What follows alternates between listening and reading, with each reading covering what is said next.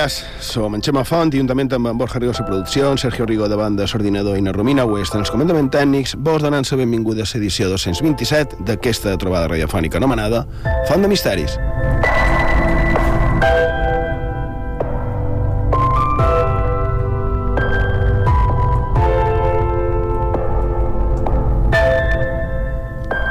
Borja Rigo, bon vespre. Bon vespre. Ja estem a, a ple estiu i ara, això que m'estaves comentant just ara quan estàvem entrant uh, a És que ara m'ha passat perquè una curiositat. Avui és 7 de juliol, molts sabran que és dia de Sant Fermí. Sí, bé, no entrarem ara en, en les festivitats i tal. No, però hi ha una, una cosa molt simpàtica, i és que, per ventura, eh, és una dada que la gent segurament no sabrà, o sí, que és que resulta que part de les relíquies de la persona que va batejar en en Sant Fermí estan a un convent de Palma, en el convent de Santa Clara. Un sant que és en Sant Saturnino, del segle III. Sergio Rigo, bon vespre. Bon vespre, Xavier. I agafa en Borja i diu, bé, una cosa que no se sabrà, o sí, Sí. sí. la veritat és que... No crec que molta gent ho sàpiga. No, uh, quines ganes de complicar les coses, no? Interessant. La relíquies persona que... que- va batir en, en, en Sant Fermín, que, que Sí. està, uh, té les relíquis... Té eh, part de les relíquies des del segle XVIII eh, a Santa Clara de Palma. Curiós.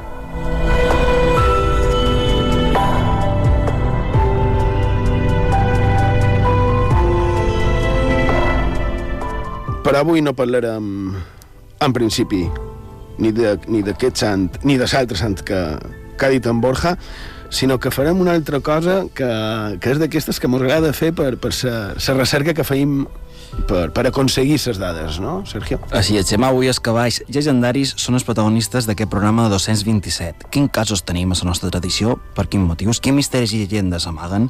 A més a més, repassarem l'actualitat de la setmana amb diversos i llegirem i escoltarem els missatges dels oients a l'espai de xarxes socials. Si ens voleu fer arribar els vostres missatges, ja ho sabeu, ho podeu fer de diferents formes. A través de Facebook i Twitter cercant Font de Misteris i emprant l'etiqueta Font de Misteris i Vetres.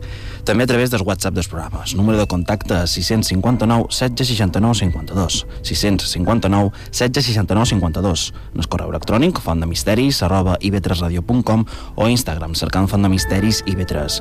També podeu escoltar tots els nostres programes en el servei a la carta d'Ivetres, a ivetresradio.com, a ivox.com i a fontdemisteris.com.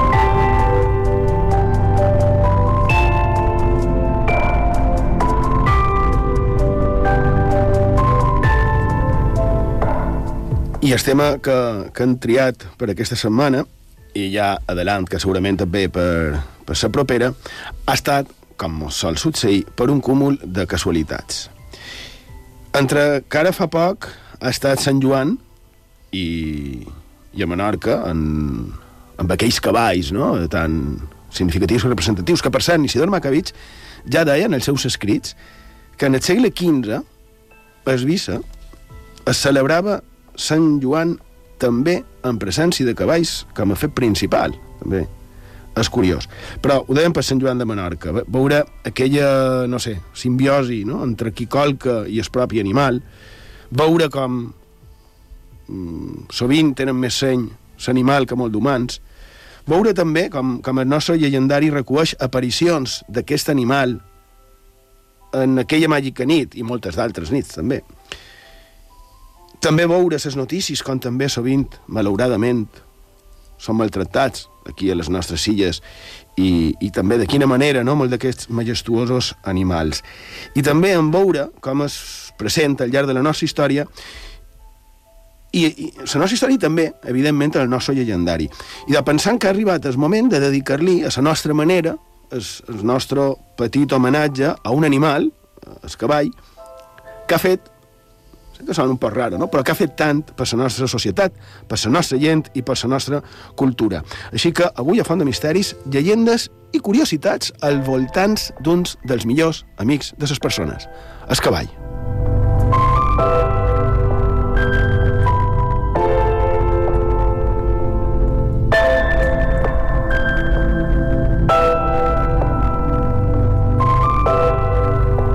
No sé, per exemple, ja hem dedicat dos programes a parlar de, de l'alquímia. És, és un tema complicat, ja ho varen dir, eh, això de parlar de, de processos alquímics, de com i què es feia i en quina pretensió, Però mirant llibres damunt d'aquest tema, surt a diversos processos practicats pels alquímics que una de les coses que s'emprava era el que es coneix en castellà com a fiemo i que jo crec que es podria traduir com per fems o per femta, és a dir, l'estèrcol. Eh? Sí, estèrcol de cavall per poder aconseguir, per fer les primeres passes, per transmutar metalls en or.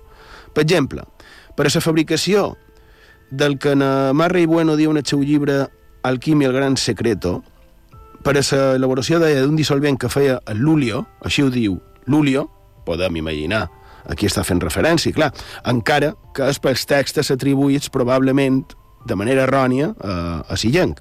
Bé, diu que per l'elaboració d'un dissolvent, perdó, per tractar de treure l'essència dels metalls, diu una mescla que ara no diré perquè és molt complicada, però aquella mescla s'havia de poner todo en un matraz grande y sólido, echar aguardiente rectificado siete veces, cerrar herméticamente y poner 15 días en estiércol de caballo.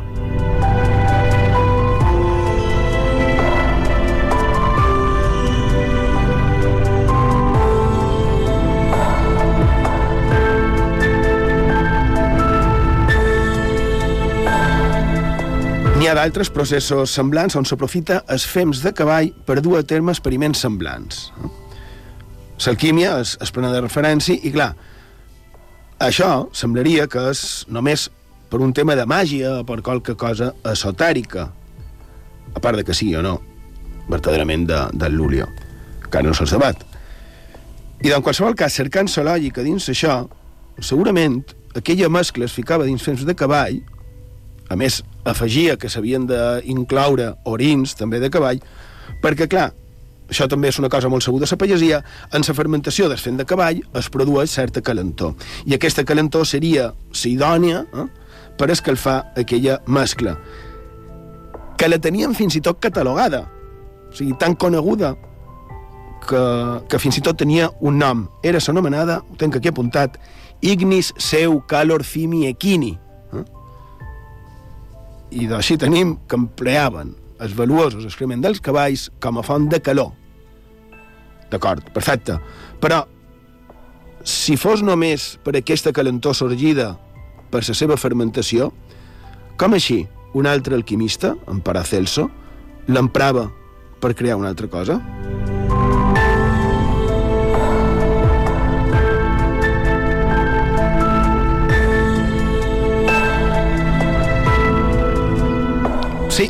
Diuen que en Paracelso és famós alquimista, que crec, Borja, que no han parlat en Paracelso. Encara no, em dic qualque, sí? qualque punt. L'han citat al manco. Sí, però hi ha obres molt interessants. La veritat és que sí, com ho és aquesta, perquè ell deia que juntava una sèrie d'ingredients, alguns d'ells mmm, molt repulsius, i ho feia per crear una mena de dimonis boiats, de familiars. Capítol 9 del llibre Història medieval del sexo i de l'erotismo on parla de l'esperma, mos diu Se cuenta que Paracelso, célebre alquimista suizo del Renacimiento, llegó a crear un ser humano en miniatura, de unos 30 centímetros de alto, que no sabemos si como castigo a su osadía o porque no se encontró otro final mejor, un buen día se rebeló contra su creador y huyó. El mismo Paracelso escribió la receta empleada para la creación de aquel ser que recibió el nombre de homúnculo. Daya. Mezcles en una bolsa una cantidad de huesos, esperma humano, fragmentos de piel de cualquier animal y algunos pelos. Entiérrese durante 40 días, bien recubierto de estiércol de caballo, y se formará el embrión del nuevo ser.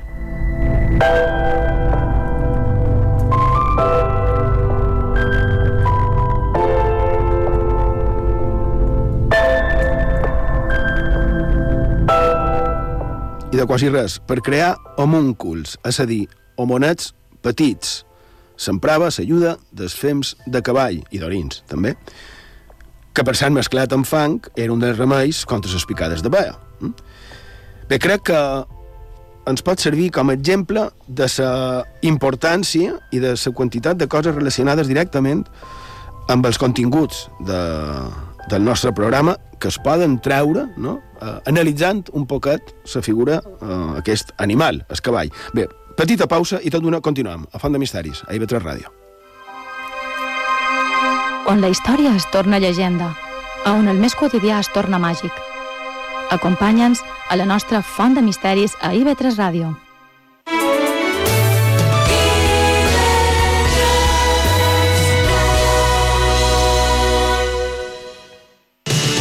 Bancs han començat a cobrar comissions als clients per conceptes que fins ara eren de franc. Avui volem ampliar detalls amb... És una notícia molt positiva per la gastronomia d'Eivissa i Formentera. Per això hem contactat I mirem a les xarxes perquè avui Donald Trump ha tornat a Twitter i ha Un revolucionat agent de seguretat m'ha dit ara mateix que estava vigilant això i és que passa que tothom vol aparcar. Cada cap vespre a Múltiplex posam en marxa 3 hores de ràdio amb les qüestions de l'actualitat que més t'afecten, amb visions plurals i col·laboradors qualificats, amb una hora dedicada a l'actualitat cultural, la dels entusiastes i, com no, els oients. Muchas personas que ya están jubiladas y nos pueden ayudar. Volíem anar a comprar marisco a punta pala, perquè...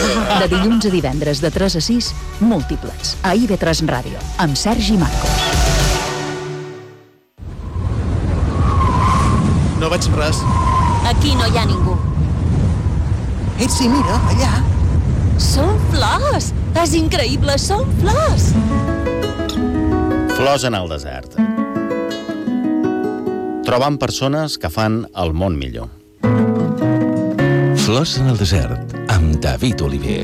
Diumenge a les 9 del matí, a IB3 Ràdio. IB3 Ràdio. La ràdio pública de les Illes Balears. A Eivissa i Formentera, 93.7. Misteris i llegendes a Font de Misteris, amb Xema Font.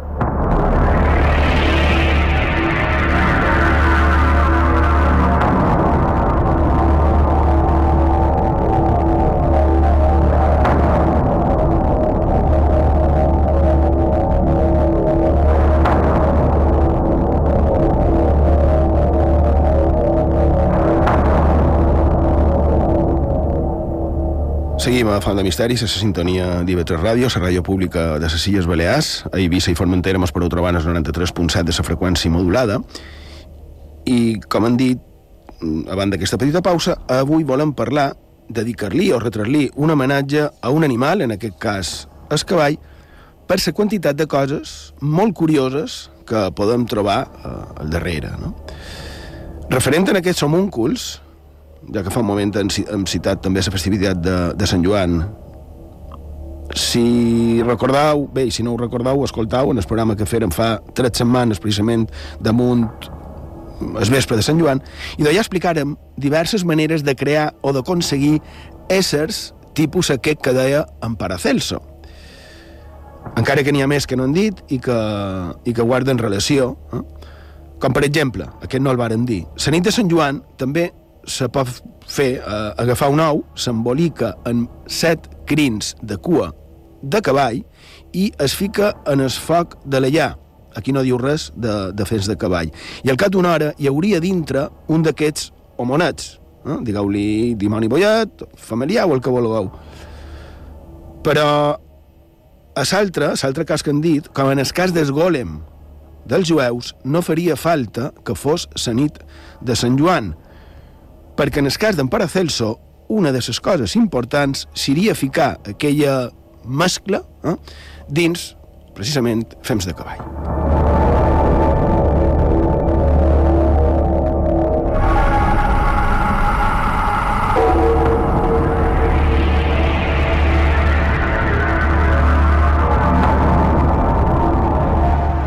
Que, per cert, diuen que els follets, dimonis bollets i semblants, tenen molta afinitat amb les vistis de càrrega, tipus mulls, asses i, clar que sí, cavalls. Diu, el follet també té un gran interès pel bon tracte del bestiar. Mai no es descuida de visitar els corrals, cors i estables. Mira si els ramats i tot altre bestiar van bé cuidats i guardats. Els animals per als quals sent una major simpatia són els cavalls, els asses, les mules i totes altres bísties de càrrega. Eh? Tant és així que fins i tot es deia que, que hi van els vespres, cuiden en els animals fins al punt de pentinar ses bísties. Namades, damunt d'això, mos diu mai no se sap com s'arregla. Són molts els traginers que asseguren que, de nit, sense saber com, ni sense haver pogut mai veure'l, per més que l'hagin vigilat, el follet ha visitat llurs cavalls i bísties de càrrega. I afegeix, hi ha cavalleria que té un follet protector, el qual la cuida en gran cel i la pentina i la trena. Cada nit vagi la bèstia on vagi.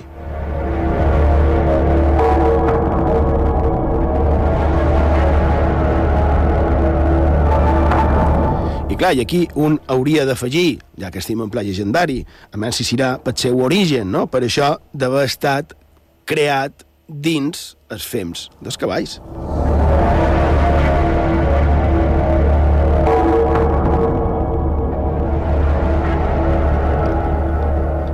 Però deixem el tema de, dels fems de, de cavall, que vaja també quin començament ens ha sortit. Mm, Començar parlant d'excrements i, i duim 20 minuts, o sigui que anem a un altre tema. I ja que dèiem Sant Joan, recordem breument un parell de casos relacionats amb el misteri, la màgia i els cavalls.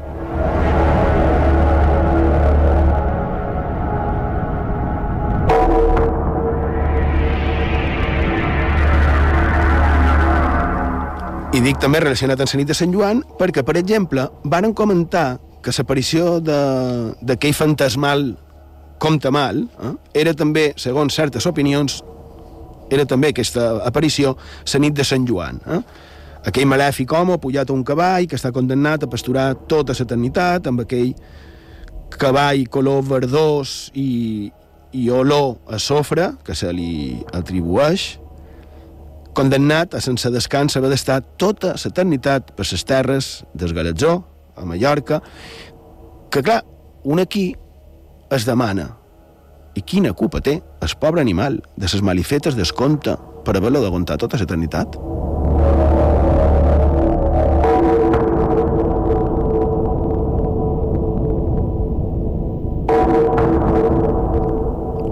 Una altra, que crec que també la varen comentar, era la d'aquell cavall en el que donant-li un gra de falguera, agafat la nit de Sant Joan, agafava tanta força i tantes propietats que era capaç de tenir unes forces descomunals i que seria del tot impossible que ningú no pogués fer turar aquell animal. També una altra, també aquella nit de Sant Joan, també d'altres, però la nit de Sant Joan, aquell que anava... Eh, aquest era en el castell de Montseny, i que anava a agafar aquella dama espectral, nua, que l'esperava amb una torxa i amb un con de caça i que era recoïda per aquell també fantasmòric, fantasmagòric cavaller colcant un, un cavall. I bé, n'hi ha, ha més casos i n'hi havia un, Borja, que, que havíem de, de comentar i, i se mos va quedar també, no?, com, com tantes coses, però que la vàrem estar comentant era, era molt xula. Sí, se mos, va, se mos va quedar... És una tradició fascinant, increïble i, i meravellosa, diria, i que és, per aventura s'assembla una miqueta en això que dèiem de, d'escompte mal i, i semblants. Mos du, en aquest cas, a Cantàbria. Són els anomenats caballucos del diablo.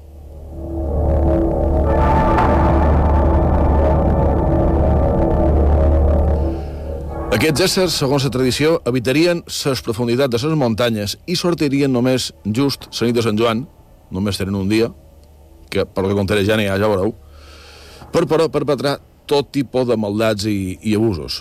Se diu que són set i de diferents colors, vermell, blanc, blau, taronja, verd, groc i negre. I d'altra banda, la seva aparença és bastant esgarrifosa. No són cavalls com a tal, m'explic. Són una espècie de, de monstres alats.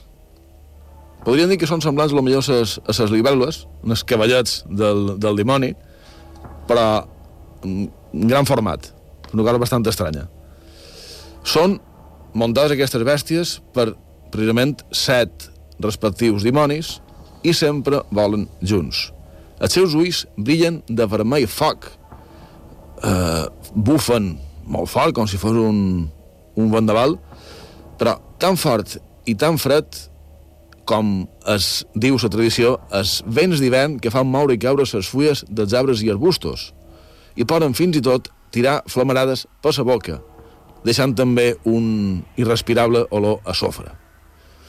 A les seves potes tenen esperons que, quan posen els seus cascos en terra, deixen una empremta perpètua fins i tot a la roca.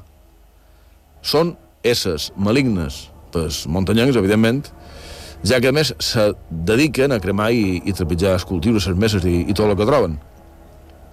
A més, les llegendes i supersticions senyalen que aquests cavalls que venen de l'infern en realitat eren homes que, pels seus pecats, varen perdre la seva ànima i se veuen obligats a recórrer Cantàbria sencera per la resta de l'eternitat.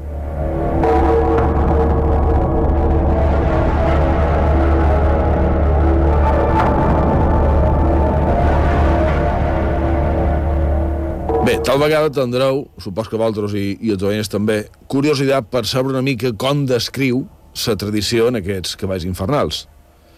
Primer, el cavall vermell, el més robust i gran. És el cap que dirigeix la resta a la seva missió de, de recerca i va enmig del grup.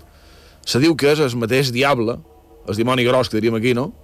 El que, el que va damunt d'ell.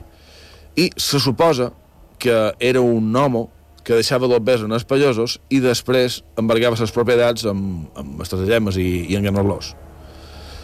El segon, el blanc, era un moliner que robava sacs del molí del seu senyor. El tercer, el negre, era un ermità molt vell que enganava la gent. El quart, el groc, era un jutge corrupte. El quint, el blau, era un, un taverner. El verd, un senyor de moltes terres que va deshonrar i se va aprofitar de moltes joves. I el taronja era un fi que per odi pegava en els seus pares.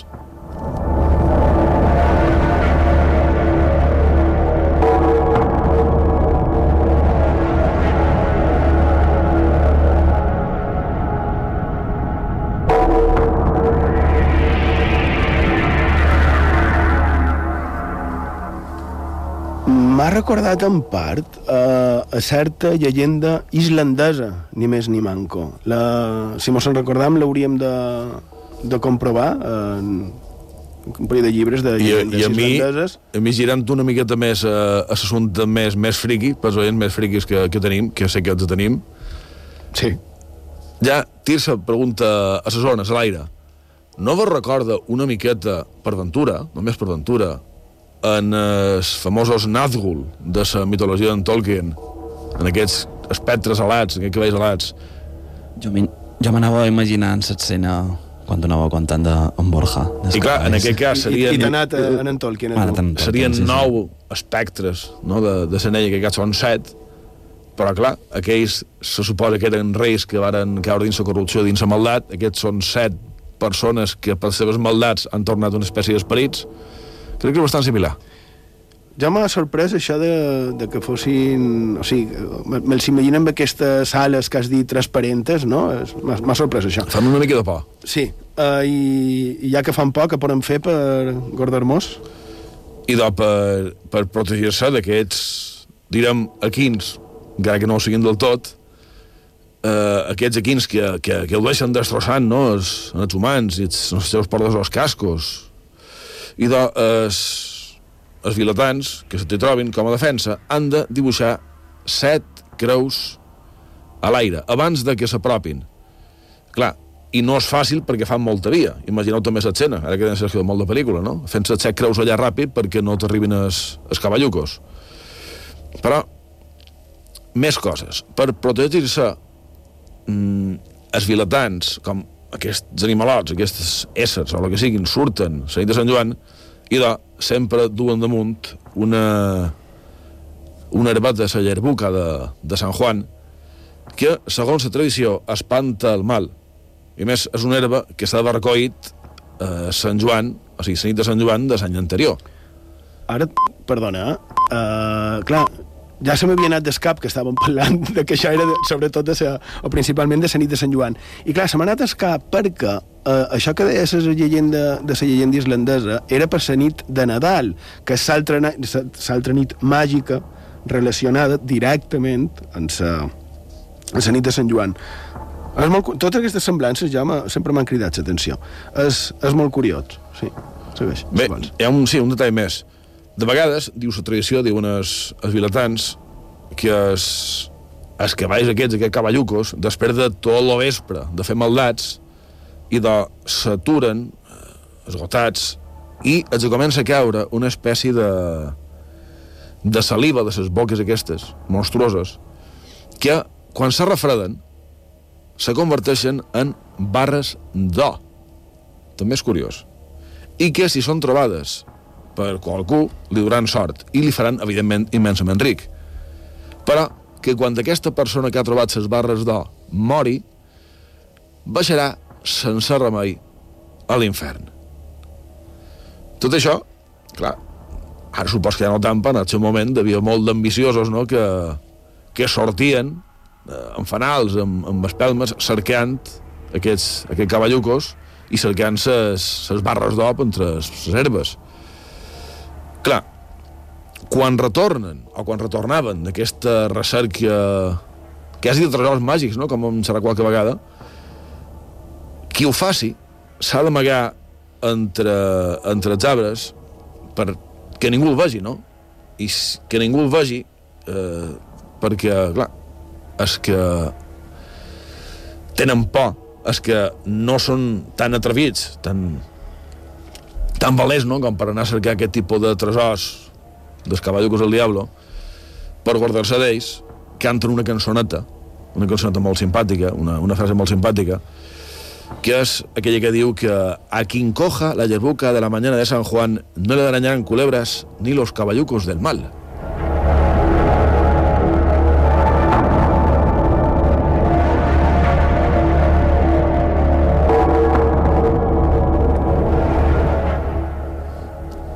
Clar, dins les dues possibilitats, crec que seria sa, dins la tradició la més sensata la de cantar cançonetes i pegar botets pel, pel camp, en les herbetes, no fos cosa. M'agrada més mm, aquella altra que no homes i supos que dones que venen de l'infant eh, transformats en una mena de cavalls alats eh, terribles, no? No sé.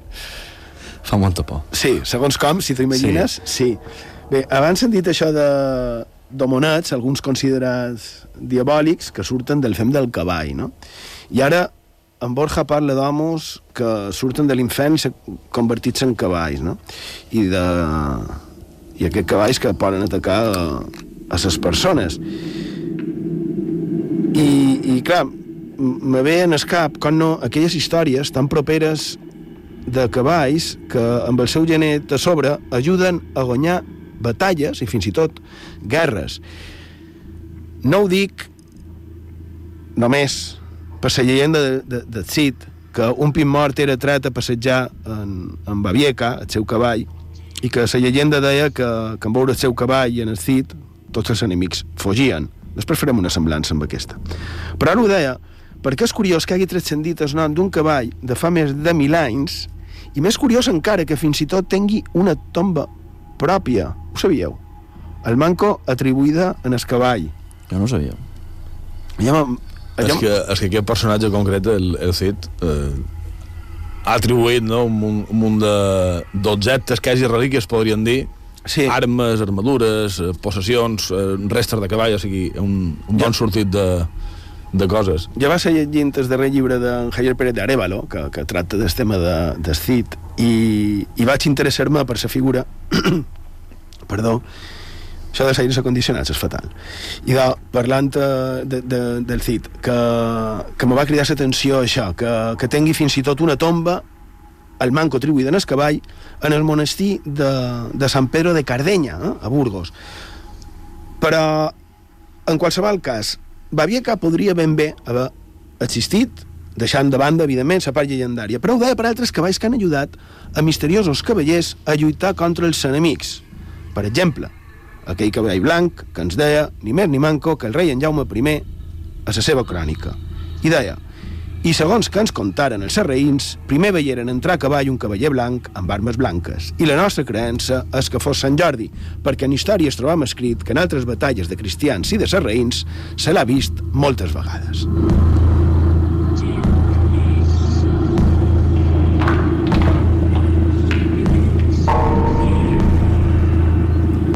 Au, ja ho tenim, el rei en Jaume afirmant no tan sols que es va trobar que dins Medina Mallorca, la ciutat de Mallorca, a banda del seu atac, i que hi havia un cavall blanc amb un cavaller a sobre lluitant, a més, en el, en el favor del rei en Jaume de, i dels seus, no? Sinó que, més, afirma que és Sant Jordi perquè en històries trobam escrit que en altres batalles de cristians i de sarraïns se l'ha vist moltes vegades. Quasi res.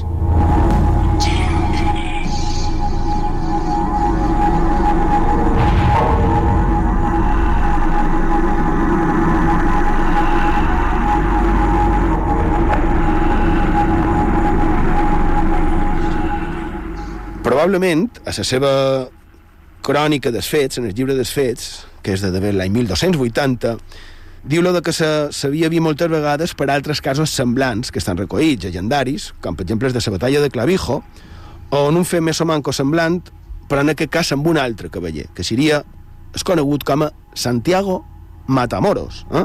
que hagués fet una cosa semblant. Eh, en aquest cas, la famosa i mítica batalla de Clavijo.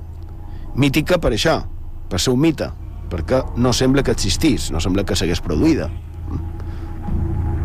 Bé, um, el manco, uh, aquesta, malgrat, malgrat que després al llarg del temps hi ha batalles de, de cristians contra sarraïns, mm, quan, quan l'anomenada reconquesta, uh, el manco en aquesta i d'altres s'afirmen coses semblants.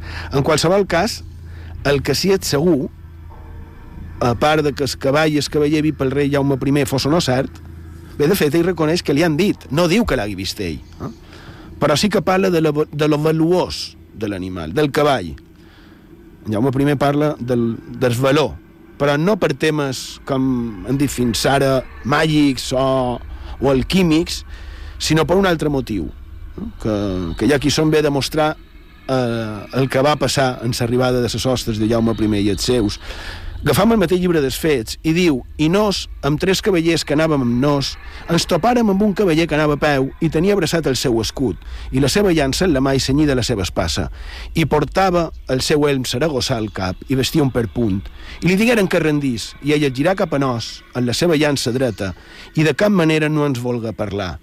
I nos diguérem barons, els nostres cavalls són molt valuosos en aquesta terra i cadascun no en té sinó un i val més un cavall que 20 serreïns. Jo us ensenyaré com l'heu de matar.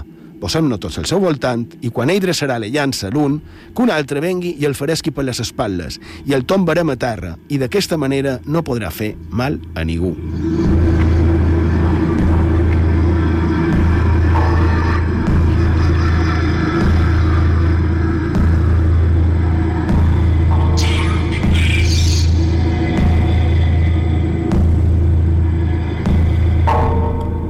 El valor d'un cavall per al rei en Jaume i el valor també de les persones, no? Que trist, tantes vegades escenes repetides, molt, molt semblants, i, i dic també lo, de, lo del valor perquè més parla de que l'enemic era un cavaller que, que anava ben guarnit. No?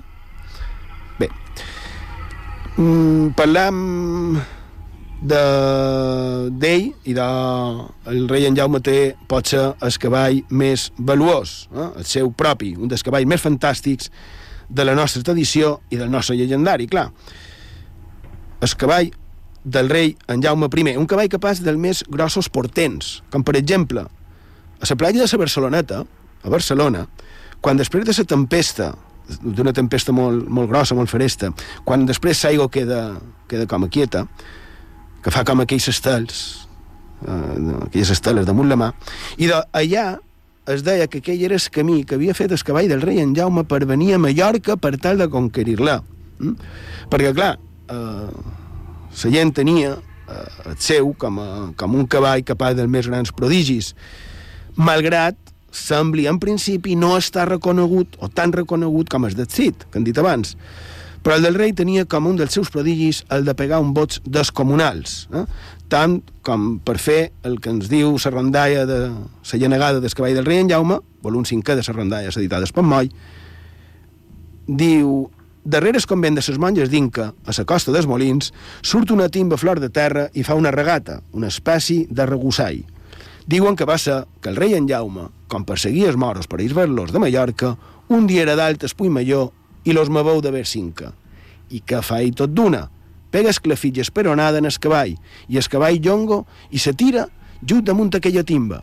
El cavall llenega d'una pota i tan fort aferrava que va fer aquella llenegada, aquella regussall, que encara s'hi veu senyat i ben coneixedor. En els moros, el punt lo seguia solits, i els bocins més grossos que en deixar foren ses orelles. Ell no s'hi posava per poc, no, aquell rei, ni se'n podien riure gens.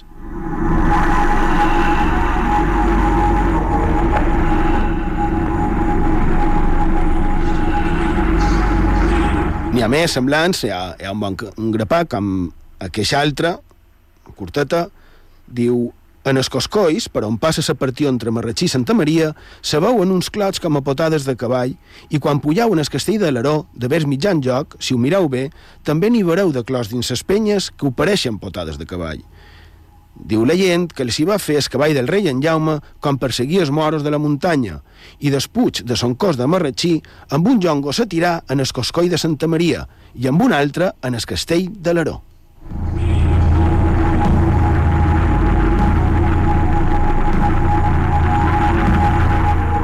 Bé, un, un jongo és una passa molt llarga, és un, un bot molt gros, i seguim amb el, amb el rei i el seu cavall, i n'hi ha una altra, aquesta també és curiosa perquè té un altre fallit, que ens parla de com el rei en Jaume hauria fet seu el castell de l'Aró.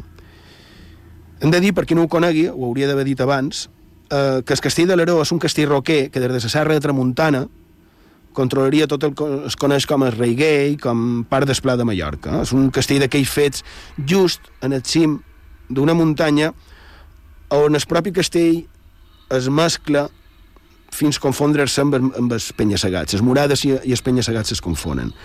Eren castells gairebé inexpugnables.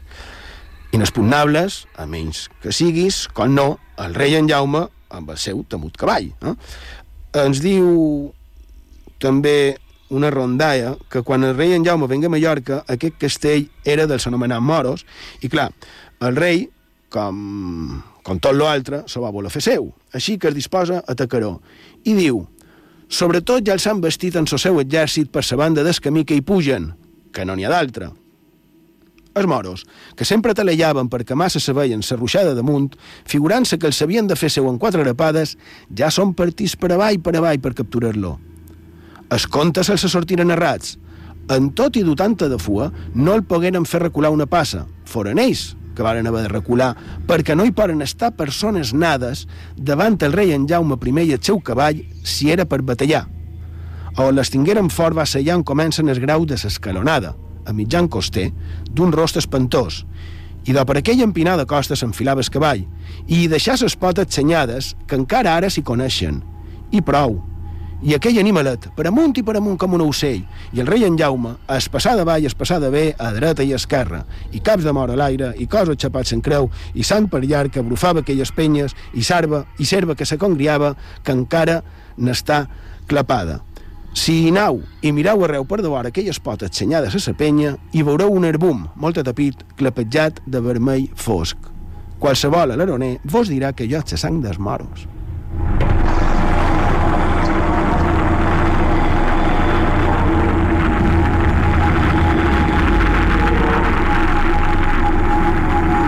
Que està, aquesta llegenda està plena de tot, eh? Té de tot. És terrible, però no sé si en el bon sentit o en el dolent. Ronda. Perquè entre el que has comentat abans de que els bocins més grossos que eren de moros eren les orelles sí. i aquest altre dels cossos teats en creu i els caps que botaven i, sí. i ses, uh... i ses mates esquitxades de sang sí, que, que a part d'això de, que dius efectivament de ser atacada que recorda pel fet de plantes que, que deixen empremta no? de, recorda un succés rellevant succeït que podria ser la mata escrita d'en no, Llull. Sí. Una, una per una cosa, l'altra l'altra, però a part d'aquest detall i de, i de com acaba efectivament aquesta rondalla, el que dius de cos xapats i, i tot això, fixeu-vos que dona quasi la mateixa importància en el rei com el cavall, perquè diu perquè no hi poden estar persones nades davant el rei en Jaume I i el seu cavall si era per batallar.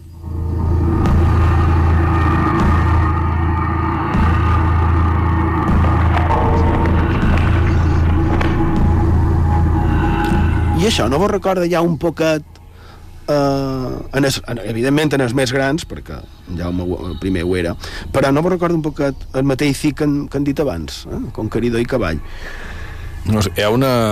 Històricament xerrant, hi ha una bona tradició de cavalls fantàstics i, i meravellosos. I de, en aquest cas, mm, fantàstic i meravellós com el del rei en Jaume, perquè tenim una semblança a les rondalles molt curiosa, pens, i molt interessant. Abans només ho he citat. Hi ha la llegenda ben coneguda per tot de que el Cid, un pin mort, era tret en el camp de batalla perquè així l'enemic, en veure-lo a ell damunt del seu cavall, tant era la seva fama que el sí faria fugir, no? només per la seva presència colcant eh, el seu temut cavall. No? Això la coneixíeu. Sí, sí. Aquesta, aquesta sí. clar, sí. ganava batalles incluso després de muerto. Un cavall que si bé no era com el de Natila, que deien que no tornava a créixer res per on trepitjava, però sí que era un cavall conegut i temut, no? De Cid. Tot en sentit parlar, està clar, d'aquesta llegenda. Però sabíeu que segons també el nostre propi llegendari aquí hauria succeït un fenomen semblant? Un parell de segles després, que del Cid, però semblant. Es diuen les antigues rondalles que quan el rei en Jaume es va començar a fer molt major, els moros que havien estat fet fora de la que havia estat la seva terra, evidentment, perquè els moros vivien aquí, això tampoc ho hem de deixar de banda, i d'ells pensaren que el rei ja no estava per defensar res. Mm? Així que prepararen un atac. És cert que després de, ser, de, de que els cristians arribassin i, i conquerissin les illes, va haver intents de, de reconquesta o al manco una intencionalitat. No?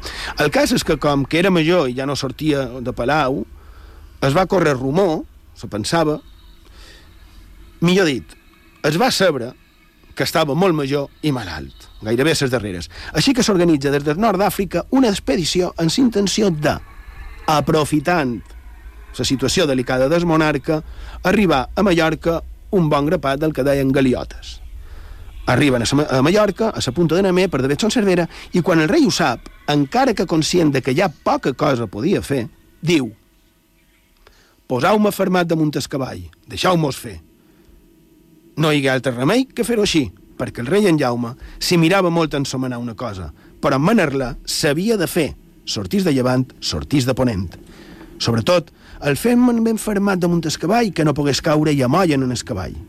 I heu de creure i pensar que aquell animalet ja és partit de quatres, coll la bala, cap en els moros.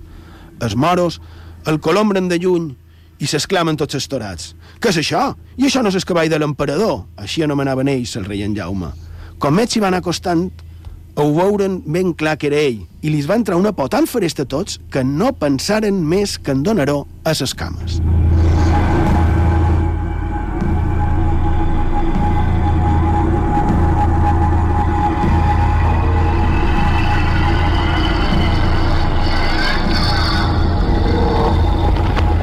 És a dir, tenim en el rei malalt i vell fermat damunt d'un cavall per no caure, eh?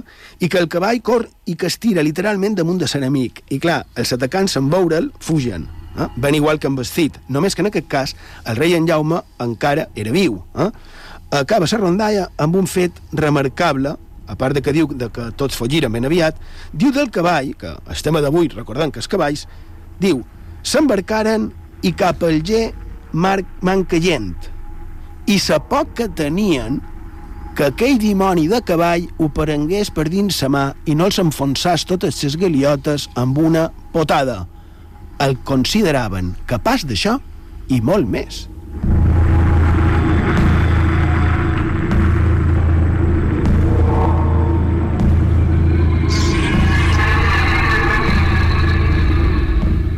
I crec que no ha transcendit el nom del cavall del rei en Jaume, eh? en els que la rondalla deia que els reis se'l consideraven capaç d'enfonsar totes les galiotes apotades. Mm, No ha transcendit el seu nom, com és de, per exemple, en Babieca, que, que tothom coneix.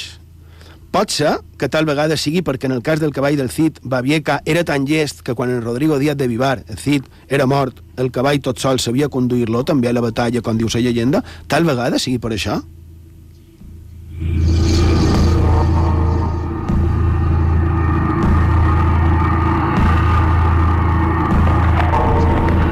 I de nou crec que sigui per això, perquè sabíeu que, com no, aquí també tenim la llegenda, la rondalla, de que el rei en Jaume, un pin mort, va ser embalsamat i tret damunt del seu cavall per fer fora els invasors sarraïns.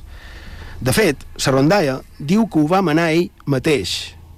Diu, mirau, en el senyor mort m'embalsamareu i sempre que venguin moros poseu-me fermat damunt el meu cavall i amolleu-li, que ell mateix ja sabrà què ha de fer. És a dir, el propi cavall, segons el rei, ja sabia què fer quan li posessin el cos embalsamat del rei. I, de fet, a la rondalla que du per títol Lo que comanà el rei en Jaume quan se moria i lo que succeïa quan va ser mort, precisament ens narra això. I a més especifica que el cavall va ser certífex d'aquella victòria del rei. Un rei que recordem que, al igual que el Cid, segons això, hauria guanyat una batalla ja mort gràcies, com no, en el sabre fer del seu cavall.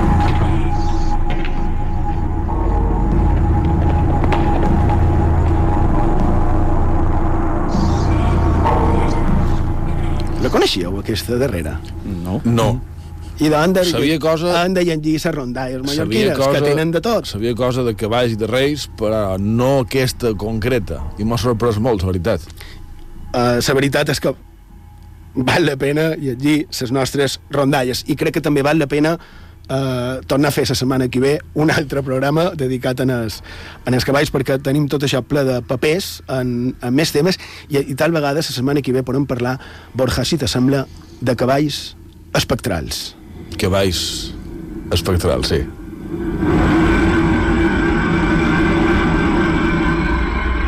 A IB3 Ràdio, Font de Misteris, amb Xema Font.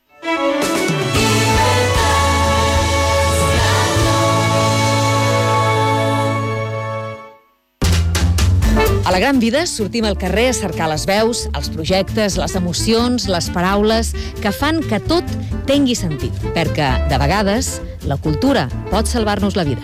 La gran vida, dissabte i diumenge a les 11 del vespre a IB3 Ràdio. IB3 Ràdio. La ràdio pública de les Illes Balears. Alcúdia, Andratx i Solla, 89.2. Misteris i llegendes a Font de Misteris, amb Xema Font.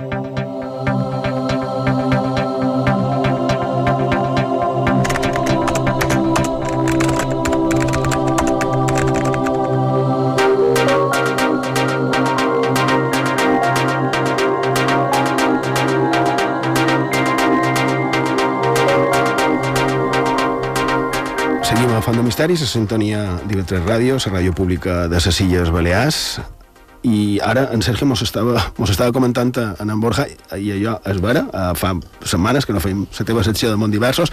Eh, però setmanes. Però setmanes, eh, i cada setmana preparant les notícies que han de comentar. Mm, és vera, però és que mos queda tantes coses per dir que fins i tot ja han decidit que la setmana que ve seguirem en cavalls, o sigui, eh, espero que, que ho entenguis. Ho entenc, ho entenc. Gràcies. Mirarem de, de, de fer un acte de contrició. Crec que ho he dit diverses vegades, ja no això. Podries donar, si vols, En contacte. en privat. Sí, exacte. Formes de contacte i, i partim i no me renyis més. No. I de, ja sabeu, ens podeu trobar a Facebook i Twitter, cercant Font de Misteris.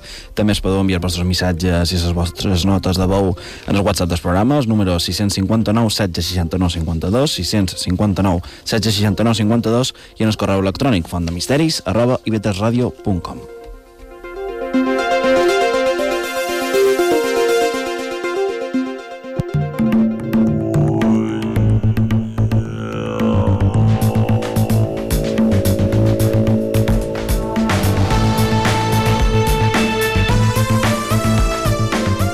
D'hom arribat a la fi del programa d'avui. Esperem que hagueu passat una estona agradable i que hagueu pogut treure qualque cosa de profit d'aquesta font de misteris. I anem a l'actualitat en el temps. Això de dur telèfons mòbils en càmera de fotos, la veritat és que és una, és una sortada, és molt útil, serveix per poder enregistrar el moment de la nostra vida i, i la dels nostres, el que sempre s'ha acostumat a fer en fotografies, no? És, és a dir, ens serveix com a recordatori, però també serveix per moltes altres coses, com per exemple per fer feina.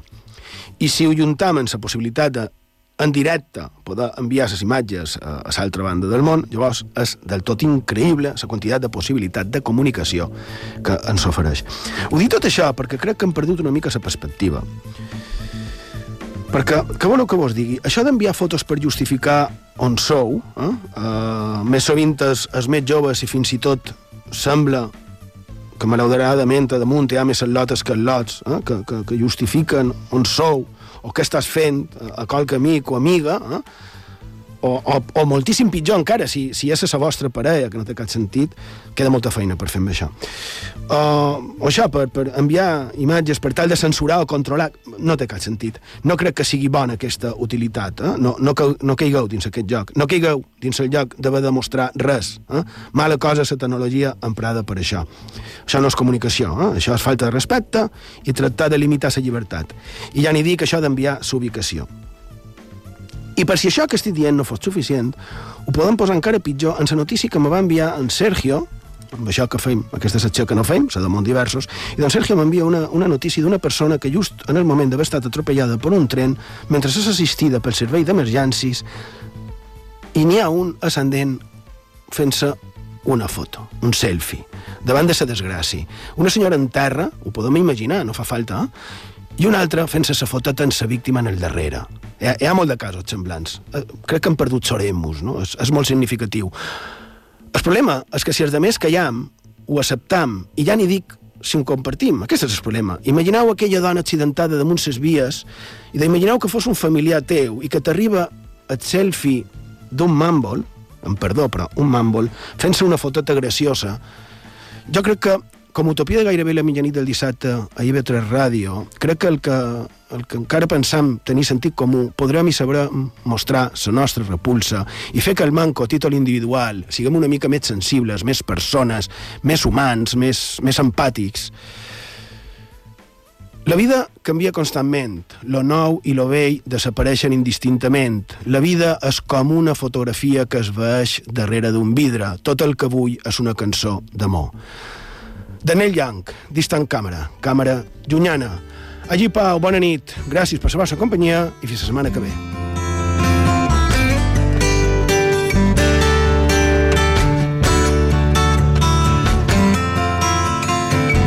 The flash of a distant camera, reconnecting thoughts and actions, fragments of our missing dreams. Pieces from here and there fall in place along the line, disappearing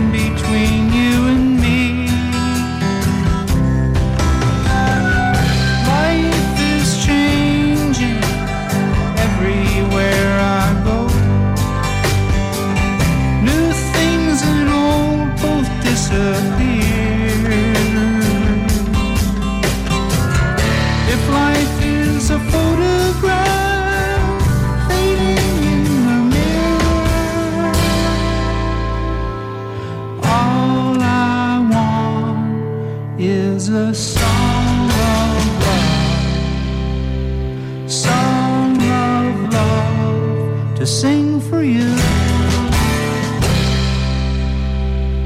All I need is this song of love to sing for you.